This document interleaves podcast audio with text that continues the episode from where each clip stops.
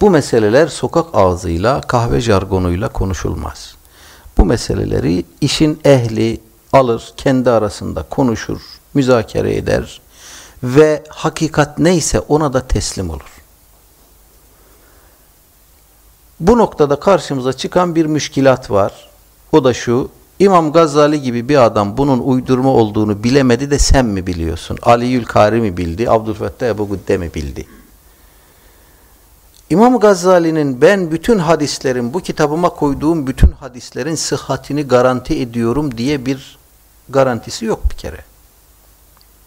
İkincisi, İmam Gazali de bir insan hadis konusuna özel olarak eğilip, emek verip, vakit ayırıp yoğunlaşmamış. Kendisi eserlerinden birinde hatta diyor ki, bu daati fi ilmil hadis müzcat. Benim hadis ilmi konusundaki birikimim az. Kendisi söylüyor. Ve kendisinden evvelki bir kısım müelliflere hüsnizan ederek onların kitaplarına aldıkları hadisleri o da alıp kendi kitabına naklediyor. İşte kendisinden önce Ebu Talib-i Mekki Kutul Kulübü yazmış. İmam Gazali de o kitaptan büyük ölçüde istifade etmiş. O kitaptaki bahisleri, hadisleri zaman zaman aynen almış kitabına koymuş. Hüsnü etmiş. Ayrıca oturup bu hadislerin durumunu tahkik edememiş. Sonra onun mezhebine mensup, Şafi mezhebine mensup iki tane ayrı Rabbani alim. Bunlar öyle zahirci, selefi, melefi filan da değil. Bunlar abid, zahid, hadis alimleri.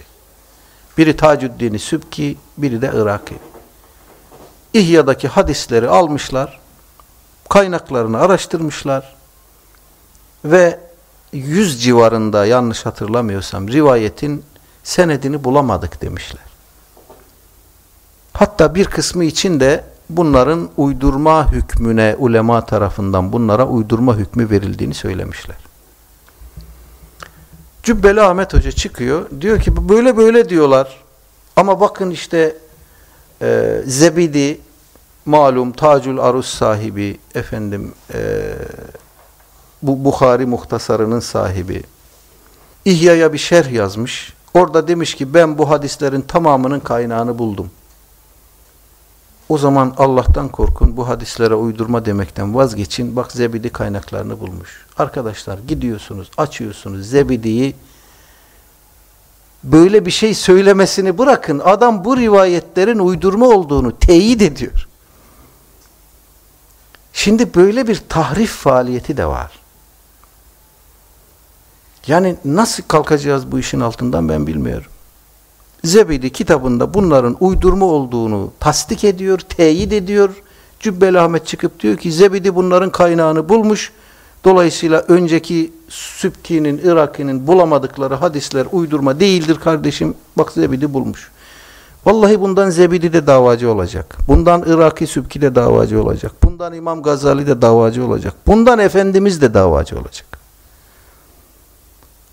Çünkü tehdit açık bana söylemediğim bir şeyi bilerek isnat eden kimse, benim üzerimden bilerek yalan uyduran kimse cehennemdeki yerine hazır olsun. Bir acayip savrulmuşluktur, gidiyor. Bir acayip aymazlıktır, gidiyor. Allah sonumuzu hayır eylesin.